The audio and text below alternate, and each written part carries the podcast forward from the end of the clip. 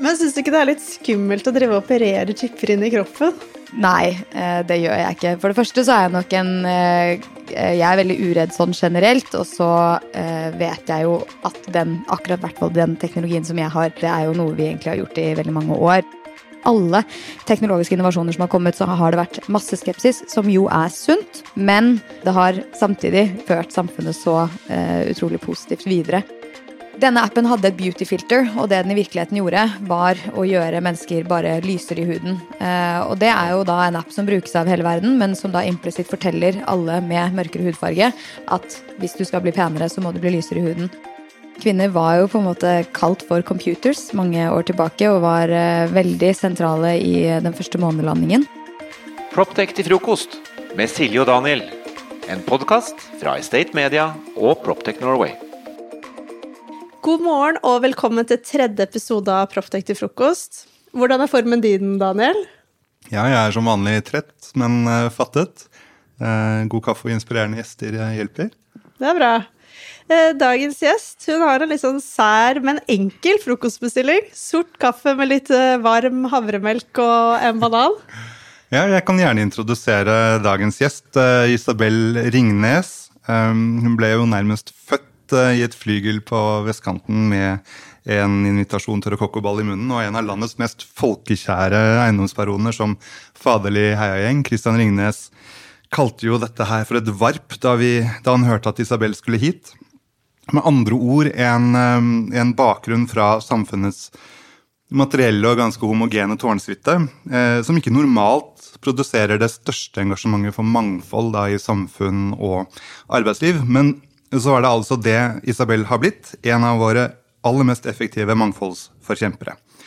Og hennes vei inn i eh, dette, og til denne podkasten også for så vidt, har vært gjennom teknologi. Um, Isabel er en lynskarp uh, teknologileder som tross alt, uh, en ganske beskjeden alder, uh, allerede er en hærfører i arbeidet for større mangfold i tech-bransjen, og spesielt også da raskere adapsjon av denne teknologien. Eh, I en slik grad at hun har kåret en av Nordens um, aller viktigste stemmer igjen og igjen i teknologi. Uh, og kanskje, kanskje, siden hun er oppvokst i et eiendomshabitat, så har hun også noen tanker om hvordan denne uh, tradisjonelle eiendomsbransjen, som jo vi er en del av, uh, og alt det vi driver og bygger, vil ha godt av både flere typer, typer mennesker og litt sånn velrettet teknologi. Velkommen hit, Isabel. Det er veldig hyggelig å ha deg her, og særlig i en eh, travel uh, hverdag. For en introduksjon. det var jo et, uh, ja, en fin analyse. Tusen hjertelig takk for at jeg får komme. Du har jo en bachelor i økonomi og ledelse og en mastergrad i mediemanagement fra New York. Blant annet. Kan du ikke fortelle litt om veien til USA? Og ikke minst hva som gjorde deg interessert i tech? Mm. Um, jeg visste ikke, som veldig mange andre uh, ungdommer, hva jeg skulle studere, hva jeg skulle bli. Uh, og da er det jo gjerne slik at man lytter til foreldre, og man følger det vennene skal gjøre. Og det var veldig mange som sa eh, at økonomi det er smart, for da kan du jobbe med hva som helst. Så selv om du ikke har svaret nå, så er økonomi smart. Jeg skulle jo nå i etterkant ønske at flere sa studere teknologi. Det er smart! Da kan du gjøre hva du vil i etterkant. Um, men det var det ikke, uh, for det var ikke snakket om i den grad det er uh, i dag. Uh, men jeg studerte da bachelor i økonomi og administrasjon ved BI. Syns ikke det var voldsomt spennende, skal innrømme det. Eh, men jeg kom meg gjennom det gjennom eh, engasjement, engasjementer i ulike eh, verv, sånn som Jentekoret, hvor jeg da egentlig ble liksom glad i det å stå på en scene og det å underholde og, og, det å gjøre veldig mye av det som jeg gjør i dag, gjennom å holde mye foredrag. Og så selvfølgelig da innenfor Inside, som var skoleavisen, hvor jeg jobbet som feature-redaktør og fikk på en måte prøve meg som journalist og prøve meg i medieverden. Og da plukket eh, Camilla Bjørn tilfeldigvis opp en eh, artikkel i Inside når hun eh, tok et sånt eh, studium på, på BI. Hvor hun leste denne artikkelen, eh, og så viste det seg at jeg hadde da søkt samtidig eh, et vikariat i VG den sommeren som kom. Så hun var positiv til meg og ga meg en mulighet der. Og det ga meg virkelig blod på tann. Jeg jobbet ikke helt med det jeg hadde peiling på. Jeg var innenfor rampelys, jobbet med kjendiser og mote og den typen ting, og jeg kunne ikke noe om noe av det. Men eh, det viser seg at man kan jo lære seg alt på kort tid hvis man prøver. Men eh, så, så skjedde jo 22. juli. Eh, og det var, eh, som alle vet, veldig tragisk og veldig dramatisk. Eh, og skjellsettende for samfunnet som helhet. Å oppleve det på så kloss hold fra VG-bygget, og også ha den posisjonen som det media har under en sånn tid, opplevdes veldig sterkt.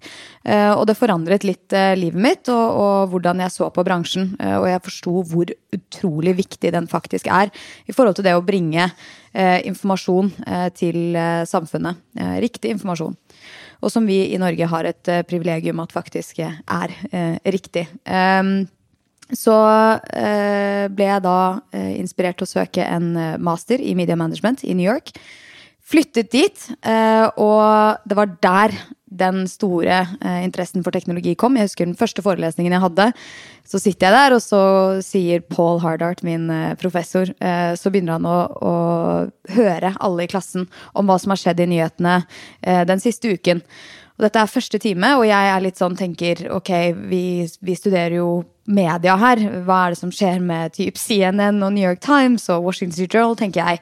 Men det som er eh, på en måte det gjennomgående temaet, er hva er det Apple gjør, hva er det Twitter gjør, hva er det Facebook gjør, hva er det Google gjør? Eh, for dette er de store teknologibedriftene som har en eh, totalomveltende påvirkning på, de, på, akkurat denne bransjen som vi studerer. Og det så jeg etter hvert eh, at var paralleller i alle andre bransjer og alle andre sektorer. Teknologi er faktisk det som nå er den ledende pekepinnen og driveren for alle disse ulike sektorene. Uh, og det ble jeg jo selvfølgelig helt utrolig fascinert av, for det er jo fremtiden. Uh, og fremtiden syns jo uh, i hvert fall jeg at det er veldig spennende å få lov til å være med og påvirke. Du kan jo ikke liksom sies å være sånn spesielt sånn tech-fiendtlig i utgangspunktet, Isabel. Det ryktes i hvert fall at du har operert inn en, en, en chip. I, hvor, hvor er den? Stemmer det? Ja, jeg har ikke bare én, men to. Eh, jeg var eh, på en bioteknologikonferanse i eh, Eller det er faktisk ikke bioteknologi, biohacking, som er noe litt annet. I Stockholm i 2015, var det vel. Og der var det en venn av meg som heter Hannes Sjøblad, som også er fakultet ved Singularity University, som jeg også er. Som da hadde da denne chipen som man kunne operere inn. Den gjør ikke veldig mye. Eh, den kan gjøre mer enn det jeg tillater den å gjøre per dags dato. Ja. Det er fordi at den, den, funker rett og slett ikke godt nok til at det er verdt å, å programmere den til å f.eks. åpne dører, eller i Stockholm kan du betale for toget, du kan komme deg inn på ulike treningssentre osv., for den fungerer med sånn RFID, eh, Radio Frequency Identification, som egentlig er det samme som vi har brukt i dyr i alle år. Eh, og som leses av Den er eh, rett bak tommelen min eh, her. Eh, og den leses av NFC-teknologi. Uh, så når du da tar telefonen inntil uh, min chip, så kommer det en lenke opp på telefonen din automatisk. Den er da ført til uh, Equality Check, uh, som da er mitt uh, selskap, som Marie Sunde, som, som, som den, den, tar deg til i dag. og så opererte jeg faktisk veldig nylig inn en ny chip på den andre siden, som egentlig var et litt sånn stunt sammen med biohackerne i Oslo. Uh, og denne chipen er liksom next gen. Uh, og nei, den leser ikke helsedataene mine i sanntid, som jeg håper at den skal gjøre en dag. Mm. Den blinker. så der begynner det å slutte, altså. Men syns du ikke det er litt skummelt å drive og operere chipper inn i kroppen? Nei, uh, det gjør jeg ikke. For det første så er jeg nok en Jeg er veldig uredd sånn generelt, og så vet jeg jo at den, akkurat hvert den teknologien som jeg har satt inn, eh, det er jo noe vi egentlig har gjort i veldig mange år. Eh, vi gjør det jo på dyr. Den, den, som jeg har, er ikke sporbar. Den har bare et lite stykke informasjon på som kan leses av fra telefoner. Og det er jo klart at ja, ok, hvis noen skulle lest av noe informasjon på, på, fra denne lille chipen som jeg har, så måtte de jo stått med telefonen inntil hånden min i hvert fall 20 sekunder for å få det. og altså, det er jo lettere å gå inn på equalitycheck.com enn å sitte og skanne hånden min i 100 år. Så, så eh, det har jeg jo på en måte i bakhånd når jeg gjør dette her. Jeg vet at den ikke er trygg nok i dag til at eh, jeg vil ha ordentlig eh, viktig informasjon på chipen. Eh, for den kan eh, definitivt hackes. Eh, eller ikke hackes, men leses eh, fra andre aktører. Men eh, jeg tror jo på at eh, hvis vi vil ha fremgang, eh, så bør vi teste hva som finnes. Og hvis vi vil kunne ha eh, muligheten til å stille kritiske spørsmål med informasjon, så bør vi også teste disse tingene. Ikke blindt, men teste det som i utgangspunktet er ufarlig, for å forstå. og så er det jo ingen tvil om at vi mennesker har jo som i helhet vært veldig skeptiske til alt som kommer. Altså når TV-apparatene kom, så trodde jo vi at dette kom til å være helt skandaløst. At vi aldri kommer til å forlate stuen vår, at vi kommer til å bli blinde, at vi ikke kommer til å ville være sammen med venner. Altså det var så mye bekymringer. Vi hadde samme internett, samme med alle teknologiske innovasjoner som har kommet, så har det vært masse skeptisk, eh, skepsis, som jo er sunt. Men eh, det har samtidig eh, ført samfunnet så eh, utrolig positivt videre, som, eh, som, som vi jo skal eh, ha i bakhodet når vi prøver disse nye tingene. Med Life at Work fra VNI er alle byggtjenester samlet i én løsning. Med én og samme app for alt av adgangskontroll og parkering. Til booking av møterom eller matbestilling kan du som gårdeier ta grep om dine verdier og skape en enkel og sømløs hverdag for dine leietakere. Finn ut mer på veni.no. Så personvern det skremmer ikke deg i det hele tatt? Absolutt. Personvern skremmer meg definitivt. Ja. Ja.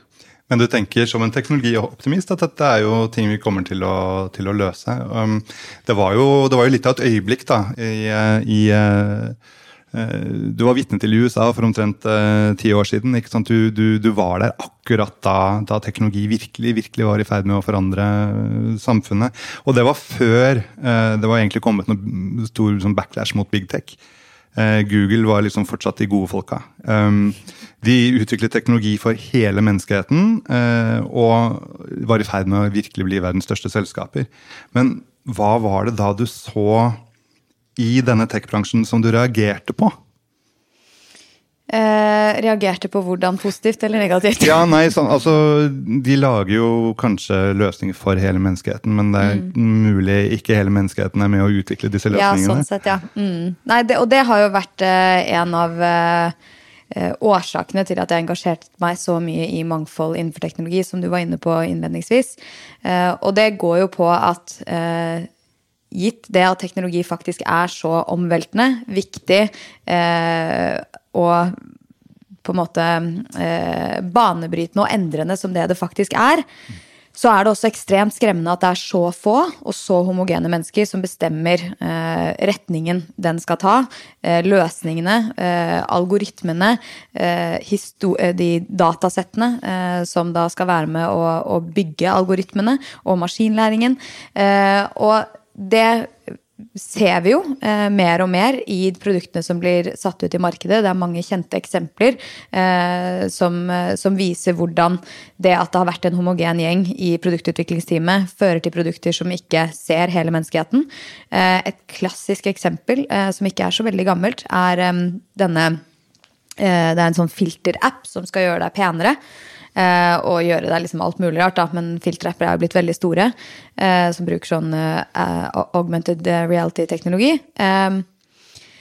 Denne appen hadde et beauty filter, og det den i virkeligheten gjorde, var å gjøre mennesker bare lysere i huden. Eh, og det er jo da en app som brukes av hele verden, men som da implisitt forteller alle med mørkere hudfarge at hvis du skal bli penere, så må du bli lysere i huden.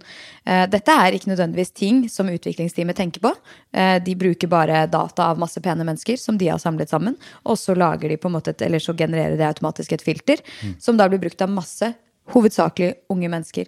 Eh, så vi plasserer på en måte fordommene i unge mennesker allerede fra de begynner å bruke disse appene.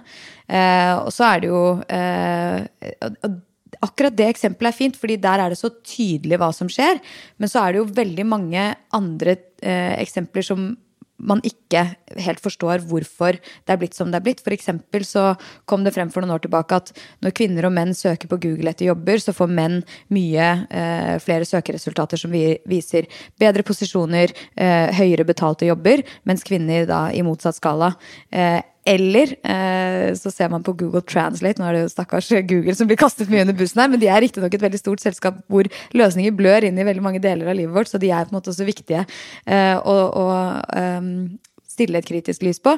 Um, men eh, de har jo da en Google Translate. Eh, de oversetter eh, alle mulige språk. Og da var det et eksempel fra ungarsk språk, som da ikke bruker kjønnsbestemte pronomen, men som da hadde gitt eh, kjønnsbestemte pronomen i den engelske oversettelsen, hvor du da så at det var helt etter boka stereotypisk kategorisert. Så det var liksom She cleans, he works, she is beautiful, he is smart, uh, she is caring, he is uh, ambitious. Ikke sant? Og dette her er jo ikke ord som i utgangspunktet da hadde noe kjønnsbestemt pronomen, men som da algoritmen har klart å skape på bakgrunn av alt det som vi setter inn i eh, det store internett, eh, og som jo er historisk data som disse algoritmene baserer seg på. Så det er veldig viktig at vi har et mangfold blant de som setter disse produktene og utvikler disse tjenestene ut i markedet, eh, for at de nettopp skal identifisere det at her er det ikke alle som har sett, her er det ikke alle som har reflektert, her er det verdier, perspektiver, som vi ikke har, som mangler, og som vi må få med. Så, så det har jo på en måte vært en, en, en, en av grunnene til at jeg har vært veldig lidenskapelig opptatt av å få flere kvinner og flere minoriteter inn i teknologibransjen. Veldig interessant de tingene du sier nå, og jeg kjenner meg igjen på den filterbiten, for det var jo, alle filtrene var jo blåøyde. Så det, ja, men det er En hel morsomt. haug med innebygde fordommer og biases. da. Som Ja, så jeg da som er eh, hva skal jeg si, mulatt og mørkebrune øyne, fikk alltid blå øyne på de filterne. Men eh, tilbake til eh, den tech-biten, for det, det er jo ganske få damer i tech. Hva tror du er grunnen til det? Det er jo sammensatt, men det har ikke alltid vært få kvinner i teknologi. Eh, kvinner var jo på en måte kalt for computers mange år tilbake og var eh, veldig sentrale i den første månelandingen. Eh, og sikkert flere deretter, men eh, dessverre så er jo veldig mange eh, kvinnelige historiske forbilder eh, ikke fått det samme eh, eh, ja, altså det samme søkelyset eller de, det samme anerkjennelsen i etterkant. Det er menn som skriver historiene. Det er akkurat det. Eh, Så man skal, jeg har alltid et skeptisk blikk når jeg leser historier, for jeg vet at det er veldig mange historier her som ikke er fortalt. Eh, 50% av befolkningen sin cirka. Men eh, de var jo da computers. Eh, det som skjedde, var at dette ble etter hvert et eh, mer og mer eh, statusyrke. Det ble bedre og bedre betalt, fordi man så jo verdien av teknologer. Og etter hvert som det ble det, så strømmet også mennene til, og det gjorde også at kvinnene falt fra, dessverre. For det ble eh, sånn. Sånn har det en tendens til å skje når, når yrket blir veldig mannsdominerte. Eh, Det blir en litt annen kultur og en litt annen sjargong, som ikke nødvendigvis eh, er så inkluderende for kvinner. Det var det ene elementet. Det andre elementet er litt mer banalt. Eh, Når den vanlige PC, eller Mac, ble markedsført til den generelle husholdning på 80-tallet, så ble den markedsført eh, som spillkonsoller for unge gutter. Den ble dermed plassert på gutterommene. Gutta fikk spille, gutta fikk utvikle, gutta fikk utforske dataen. Og når denne generasjonen kom på college, så kunne gutter veldig mye mer om data enn det jentene kunne. Eh, og jentene falt dessverre da fra, eh, fordi de ikke fikk den samme opplæringen og den samme på en måte, tiden det tok for å, for å lære seg opp i, i det som var computer science. Eh, og det førte faktisk til nesten en halvering av jenter på dette studiet. Uh, og det har jo igjen da ført til sant? Det er jo masse følgefeil på en måte av alle disse ulike elementene. Men det har jo da ført til at det er mye færre kvinnelige forbilder innenfor teknologi. Det eh, ser man svært tydelig i mediene, i alle mulige populære filmer. Eh, hvis man ser på de som da har gründet selskaper, så er jo de som regel menn. Det er jo de som blir trukket frem overalt. Du har alt fra Steve Jobs til Mark Zuckerberg, eh, Travis Kavalnik Altså, du har eh, alle mulige eh, store teknologientreprenører der ute er stort sett menn. Det er de som blir skrevet om. Og det er de eh, små kids ser på og tenker at 'å, jeg vil bli det'. Og så har jeg alltid sagt at 'you cannot be what you cannot see'. Så når alle unge jenter ser at det er stort sett karer som er innenfor disse rollene, så er ikke det nødvendigvis en motivator for å, for å gå inn i det sporet selv. Derimot så er det veldig mange unge jenter som har lyst til å bli frisører og lærere og sykepleier osv., fordi det er eh, ganske kvinnedominerte yrker i dag. Og det er jo egentlig ikke eh, fordi at de bare er født som at de har lyst til det, men det er fordi de ser at eh, andre kvinner er det, og det, da primes hjernen vår naturlig til å tenke at det er en, en bra karrierevei, fordi man ser eh, seg selv i, i, eh, i de personene som er i de yrkene. Og det er ingenting gærent med disse yrkene. På ingen måte. De er viktige alle tre. Eh, men eh, teknologi er så ekstremt viktig, og de Altså det som er teknologi, eller har du en bakgrunn i teknologi, så kan du jobbe egentlig innenfor alle mulige yrker. Um, Men det her er du med på å snu nå. Du er jo et forbilde for uh, mange unge jenter. jeg håper det. Jeg prøver å være det, i hvert fall. Nå begynner jeg å bli gammel, så jeg håper Du Fortsatt syns jeg det er kul å følge med på. Da, jeg føler meg fortsatt ung, og når du sier at du begynner å bli gammel, da bare uff. Men eh, ikke sant, kulturell koding eh, tenkte du, og sitter og ser hvordan dette fungerer i en tech-bransje som tar over mer og mer av verden. Men eh, mens de fleste av oss bare liksom sakket opp og aksepterer det, så du, du bestemte deg for å gjøre noe med det. Hva var det dere gjorde? Eh, Vi startet et eh, teknologinettverk eh, som heter Tenk, jeg og Camilla Bjørn. Dette var i 2014, da jeg kom hjem fra New York. Og det har på egentlig ganske kort tid Det begynte jo som at vi skulle invitere kvinner og jenter med på en sånn læringsreise. Lene seg inn, lære om teknologi, påvirke de ulike ledergruppene og styrene som de satt i med liksom digital forståelse og nysgjerrighet. Etter hvert så utviklet det seg mer og mer til å spisse seg mot unge jenter. Så vi startet Tenk Tech Camp, som er en årlig sommerleir for eh, unge jenter eh, mellom 12 og 18. Hvor de da får to dager med masse ulik teknologilæring og inspirasjon. Og så startet vi Girl Tech Fest sammen med bl.a. Oda-nettverk, eh, IKT Norge og flere andre eh, aktører som også jobber for samme formål som oss. Hvor vi da samler liksom 400 jenter i Oslo og mange tusen eh, rundt i landet én dag i året for en full dag uten, ut, ut, uten guttene. Hvor de bare får lov til å, å teste teknologi og se hvor spennende det er med sine egne hender. Og forstå liksom alle mulighetene som ligger innenfor der. Og så har vi jo holdt enormt mye foredrag. Og så har jeg vært så heldig å få lov til å være rollemodell eh, med NHO sitt eh, Jenter og teknologi-initiativ. Hvor jeg da reiste rundt i 2018, tror jeg det var. eh, Til jeg tror 14 byer. Og fikk snakke til rundt 5000 jenter om, om alle mulighetene som venter innenfor teknologibransjen hvis de, hvis de bare satser. Laft tilbyr en fullverdig FDV-løsning som bidrar til enklere og mer effektiv drift både for små og store eiendomsbesittere. Digitaliser den daglige driften, få bedre innsikt og ta bedre beslutninger for porteføljen. Vi leverer moduler for DV, utleie og renhold, i tillegg til en rekke andre tjenester og integrasjoner. Les mer på laft.io. Og etter dette så startet dere eh, Equality Check. Ja, vi startet eh, Equality Check. Det er jo da eh, noe jeg startet med Marie Louise Sunde, egentlig i 2015. Eh, Det begynte som en kampanje som heter Hun spanderer, hvor vi hadde lyst til å adressere ubevisst diskriminering og primært kjønnsstereotypier, som på det tidspunktet ikke var snakket om veldig mye. Ubevisst diskriminering er jo den typen diskriminering som det er veldig vanskelig å sette fingeren på, men som det er lett å bagatellisere og rasjonalisere og latterliggjøre, og som, som vi mener at er en av de underliggende årsakene til at vi ikke er i mål, nettopp fordi det er så inngrodd i kulturen og tradisjonene våre. Eh, Så det krever liksom ganske eh, konsekvent og langsiktig arbeid. Så vi skapte bevissthet rundt det, men så, etter vår andre kampanje i 2017, eh, at eh, det var en genuin vilje og mobilisering, eh, spesielt i arbeidslivet, for å gjøre noe med dette her. Og vi så at det ikke var gode nok løsninger, i hvert fall ikke løsninger med spesielt godt evidensgrunnlag bak seg. Så vi inngikk et forskningssamarbeid med CORE, Senter for eh, likestillingsforskning ved Institutt for samfunnsforskning, eh, og startet samtidig da selskapet Equality Check, som eh, i, korte trekk benytter kulturell data gjennom denne åpne plattformen hvor ansatte legger igjen anonyme vurderinger av arbeidsgiveren sin, og strukturell data hvor arbeidsgiver selv legger inn data på en rekke ulike validerte indikatorer. Og så sammenstiller vi dette, denne dataen og gir dem en oversikt over problemområder. Og deretter eh, forslag til eh, løsninger som de kan implementere for å bli bedre på mangfold og inkludering. Noe jeg er nysgjerrig på, er at altså, både du og Marie Louise kommer jo fra godt møblerte hjem. ikke sant? Eh, Og veldig mange mangfoldshistorier kommer jo gjerne liksom fra sterke folk som sparker inn dører nedenfra. Er, er, den, er den bakgrunnen noe dere ofte må liksom svare på og møter i døren i jakten på, på mangfold, eller er det liksom en svingdør?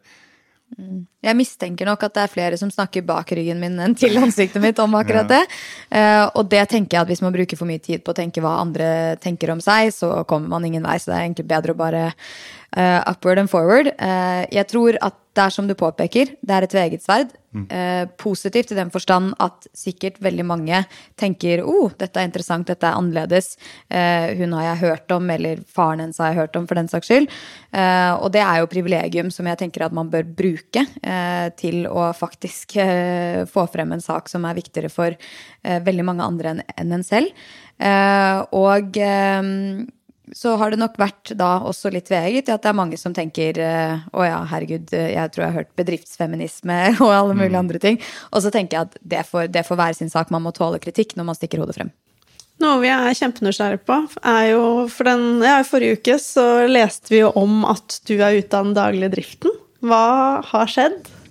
Det har egentlig ikke skjedd noe voldsomt uh, mye. Altså det, eller det har jo skjedd voldsomt mye, men uh, ikke sånn i forhold til at jeg nå er fristilt. Uh, jeg vil jo fremdeles være en stor ambassadør for selskapet. Jeg fortsetter jo som betydelig eier. Kommer jo alltid til å ha gründet dette selskapet sammen med Marie Louise Sunde. og er jo deres største fan og har kjempestor tro på selskapet videre. men så har jo jeg min styrke i formidling. Eh, nå snakker jeg veldig fort, så det er kanskje ikke det beste eh, beviset på det. Men, men, jeg er jo flink til å skape oppmerksomhet rundt ting. Det er i hvert fall det jeg blir fortalt. Så det, og det er viktig i en etableringsfase som vi har vært gjennom. Nå er vi inne i en vekstfase hvor jeg tror at selskapet har godt av andre typer ressurser, og vi må ha et annet type fokus. Og da tror jeg ikke at min styrke blir brukt best mulig der. Eh, det sagt så kommer jeg til å fortsette å på bidra på den måten som jeg gjør best, utenifra. Men, men, det føltes riktig for både, for både meg og dem. Og det er utrolig god stemning, rett og slett. så det er ikke noe dramatikk der. Men hva er det du skal videre nå, da? Nei, det kan man si. Du, jeg har eh, lyst til å spisse meg på formidling eh, innenfor teknologi og digitalisering. Dette har jeg jo gjort tidligere, eh, men jeg vil jobbe mye mer målrettet med det. Eh, prosjektbasert nå en stund fremover, eh, og ønsker å jobbe inn mot media. Gjerne med TV. Eh, så jeg utformer bl.a. et eh, TV-konsept, og så får vi jo se hvor det går. Det er litt tidlig fremdeles. Eh, men det er det jeg ønsker å gjøre, og er heldig å få samarbeide med mange spennende mennesker. Og sitter jo allerede med en del verv utenfor i Quality Check som jeg kommer til å kunne få lov til å bruke mer tid sammen med. Når vi først snakker om homogene bransjer med sterke tradisjoner Du vokste opp rundt et frokostbord der vi kan tenke oss at eiendom var en del av dagsordenen. Eh, faren din han er jo profilert og uredd. Eh, hvordan opplever du, at, opplever du eiendomsbransjen, hvis du skal være helt ærlig? Det var et lite sukk. Ja, nei, altså For å være helt ærlig, så har ikke han pratet veldig mye om eiendomsbransjen hjemme. Vi har eh, stort sett uh, ja, hva er det vi egentlig har pratet om? Vi har pratet mye om uh, politikk. Vi har pratet om, uh, litt om teknologi. Uh, han har alltid vært veldig opptatt av at vi tre kidsa skal finne våre egne veier og våre egne lidenskaper. og han har ikke hatt noe altså Jeg tror det er litt sånn som man sikkert kjenner på selv. Hvis du jobber med noe døgnet rundt, så er du ikke keen på å komme hjem til familien og snakke videre om det. Mm. og det tror jeg kanskje har vært tilfellet hos oss på ingen måte har han holdt noe fra oss eller eh, ikke svart på spørsmål. Men det er også kanskje mangel på interesse hvis jeg skal rette kritikk for eh, hos, eh, hos, oss kidsa. Vi har, vi har, ikke kanskje stilt alle spørsmålene som man, eh, som man, eh, kanskje tenker at man har gjort, eller burde gjort. Eh, men mitt inntrykk av eiendomsbransjen er jo at det er jo en veldig bra bransje å gå inn i. Det er i hvert fall skattemessig rigget her i Norge. ganske lukrativt å gå inn i eiendom. Um, og så kjenner jeg jo mange veldig kreative, veldig spennende sjeler. Ikke gjennom min far, men gjennom helt andre nettverk. Mm. Som, som, utvikler spennende eiendomskonsepter og alle de tingene som skal være inn i eiendommene. Som jeg har veldig stor respekt og beundring for. Og så er jo eiendom et eller annet som det tirrer oss alle fordi det er veldig fysisk. Eh, det føles på en måte tryggere å investere i eiendom enn noe annet, fordi du ser nøyaktig hvor det er, og hva det er, og det er begrenset hva som på en måte kan gå gærent hvis du er forsikret, riktignok. Eh, men det er jo ikke som aksjer eller andre verdipapirer. Eh, og i tillegg så ser man jo veldig hvordan markedet utvikler seg over tid. Ser, det er mye datapunkter å følge med på, så man føler på en måte at man klarer å kanskje, dette er jo litt mer eh, noe jeg bare tenker selv, men man føler kanskje at man kan forutse mer hvor, eh, hvor det kommer til å gå hen, eh, og at det kommer til å gå opp igjen hvis det skulle gå ned. Og så er det noe absolutt alle har et forhold til, fordi alle bor et sted. Møller Eiendom er tett på utviklingen av nye teknologiløsninger som forbedrer måten vi kjøper, utvikler og forvalter eiendom. Leverandørsiden er viktig driver for utvikling av bransjen og kundene våre. Vi regnet jo nesten med nå at du kommer til å si at eiendomsbransjen er kjempegammeldags. eh, Vi har jo akkurat begynt å snuse på tech og i det hele tatt, men ja. ja. men... Nei, jeg, jeg har ikke det inntrykket. Men jeg jobber jo ikke i bransjen, så det er ikke jeg best å svare på. Men eh, er det det? Jeg, eh, jeg altså det, det er i hvert fall min oppfatning. Ikke sant? Det er litt sånn som David Attenborough sa for liksom over 20 år siden, at de teknologiske løsningene som skal få menneskeheten og planeten ut av dette uføret, de, de finnes allerede. Men for at de skal brukes og videreutvikles, så må det bli ikke bare rimeligere, det må faktisk bli lønnsomme. Og slik har det ikke vært i eiendom. Det, liksom, det har ikke vært noen god grunn til å endre en forretningsmodell som, som, som funker. Det er liksom ingen grunn som jeg har sagt før, det er ingen grunn til å move fast and break things, sånn som de sa i Silicon Valley. Eh, eh, men nå, dine venner, liksom tidligere, altså tidlige adaptere av nye digitale løsninger innenfor eiendom, har liksom risikert noe ved å ta i bruk nye løsninger. Og de har begynt å se positive resultater. Ikke bare på bunnlinjen sin, men også på dette klimaregnskapet som eh, EU og, og myndigheter overalt nå har liksom fulgt opp med regulering ikke sant, gjennom ny taksonomi og greier. Ehm, som eh, sier at med mindre du tar dette her med teknologi og klima og slikt på alvor, så skal du slite med å få gode betingelser og gode vilkår og eh, betalingsvillige leietagere. Eh, Så nå følger vi med her i eiendomsbransjen, ikke sant? og flere og flere av oss. Og disse teknologiske løsningene har masse hindre som de må komme over, men det skjer. Og da er det litt sånn irrelevant hvordan denne teknologien utvikles, eh, og hvem som gjør det. Fordi altså, da må vi ha med alle typer folk. Så nå sitter jo du her med en sånn tech-hatt på, ikke sant? Um, uh, så uh, det er interessant å få ditt nettverk uh, koblet opp mot et Altså mot en eiendomsbransje som Santa sier har vært litt siderumpa, men som kanskje begynner å følge med litt nå.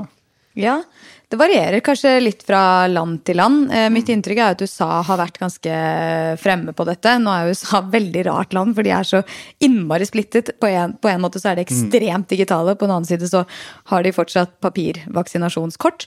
Eh, så, men, men eh, jeg husker når jeg var på Singularity, eksempel, så var det en venninne av meg som startet noe som het Deeplock, som tar høyde for veldig mange ulike datapunkter for å kunne liksom spå eh, hvordan bygg du burde lage, eh, hvilke materialer du skal bruke, eh, og kunne si noe om verdien av det bygget og bruksområdet til det bygget over tid. Eh, I tillegg så har du jo liksom alt fra og det er jo liksom eh, ikke sant? Det som er at det, det digitale har på en måte blødd inn i veldig mange ulike deler av eiendomsreisen. Du har liksom det som er eh, De som er utviklere av eiendom, de kan jo bruke alle disse ulike datapunktene hvis de vil. De kan se på hvilke materialer som er bærekraftige å bruke eh, over tid. Kanskje bør de begynne å tenke litt mer langsiktig når de velger materialene sine enn kortsiktig. Og det finnes jo mange spennende, også i Norge, som utvikler bl.a. sement eh, som er bedre eh, enn den tradisjonelle sementen som vi bruker, som jeg tror står for rundt 7% av eh, eh, eh, klimautslippene. Og det er, så det er jo veldig mange spennende teknologier som de kan bruke. Og så i tillegg så har du da teknologien som går på alle som jobber innenfor altså, eiendomsmeglere. Eh, Du har jo VR-teknologi, som har blitt snakket om veldig lenge. Jeg er litt usikker på hvor mye det er adoptert her i Norge, men det finnes jo kule 360-løsninger som man kan introdusere, eh, og jeg tror finn.no sikkert har de allerede. Kommet mye de siste par årene, ja. Ja, det er det jeg føler. Eh, og så har du jo liksom alle de standardiserte oppgavene som kan automatiseres, sånn som f.eks. tinglysning, prospekter, alle kontraktene, alt det som skal produseres i forbindelse med kjøp og salg av bolig. Eh, og så har du eh, fra liksom forbrukerens side eh, at du vil kanskje ha et mye smartere hjem. Du vil kontrollere ting gjennom internett. Du vil ha en digital lås, du vil ha digital varme, lys, konstant måling eller konstant innsikt i energiforbruket ditt osv. så videre, Og når du kobler sammen alle de eh, ulike på en måte eh, datakildene eh, som vi har, så kan man jo begynne å virkelig skape eiendom som er optimalisert til ethvert bruk, eh, og som kanskje skapes mye mer langsiktig. For det er jo mye av problemet i dag er at vi bygger ting som har altfor kortsiktige perspektiver. Eh, og, og det er definitivt ikke bra for klimaet. Si ifra hvis du trenger en jobb, så skal du få jobb i Proptech Norway. i. Ja, takk.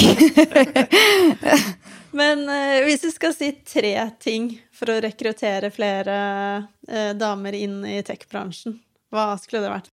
Du, jeg tror de tre viktigste tingene eh, er eh, først og fremst informasjon. Informasjon om studiene som finnes, informasjon om bransjen, eh, informasjon om mulighetene. Og det er et delt ansvar mellom foreldre, mellom lærere, foreldre, eh, mellom myndighetene eh, og eh, alle de ulike institusjonene som jobber med teknologi. Det er den ene, fordi vi vet fra undersøkelser at unge jenter føler at de har altfor dårlig informasjon om hva som faktisk finnes, og hva som faktisk er mulighetene. Det andre er, som jeg har vært inne på tidligere, dette med forbilder. Vi må eh, sørge for eh, i alt fra liksom, markedsføringen av ulike studier, eh, til ulike stillinger i bransjer, til eh, hvem som står på scener på konferanser. Det må være kvinner og menn og minoriteter til stede, sånn at man kan se seg selv. fordi bare på den måten så vil man på en måte få en reinforcing effekt.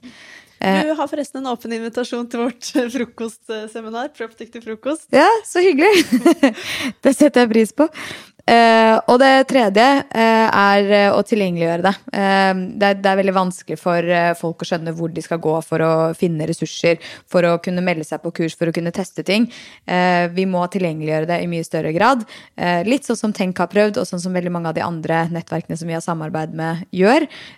skaper nettverkseventer, skaper ulike mm, kurs og leirer og alt det som er, eh, for at eh, man liksom rett og slett gjør det enkelt for folk å, å, å prøve lite grann og dyppe foten sin så vidt uti.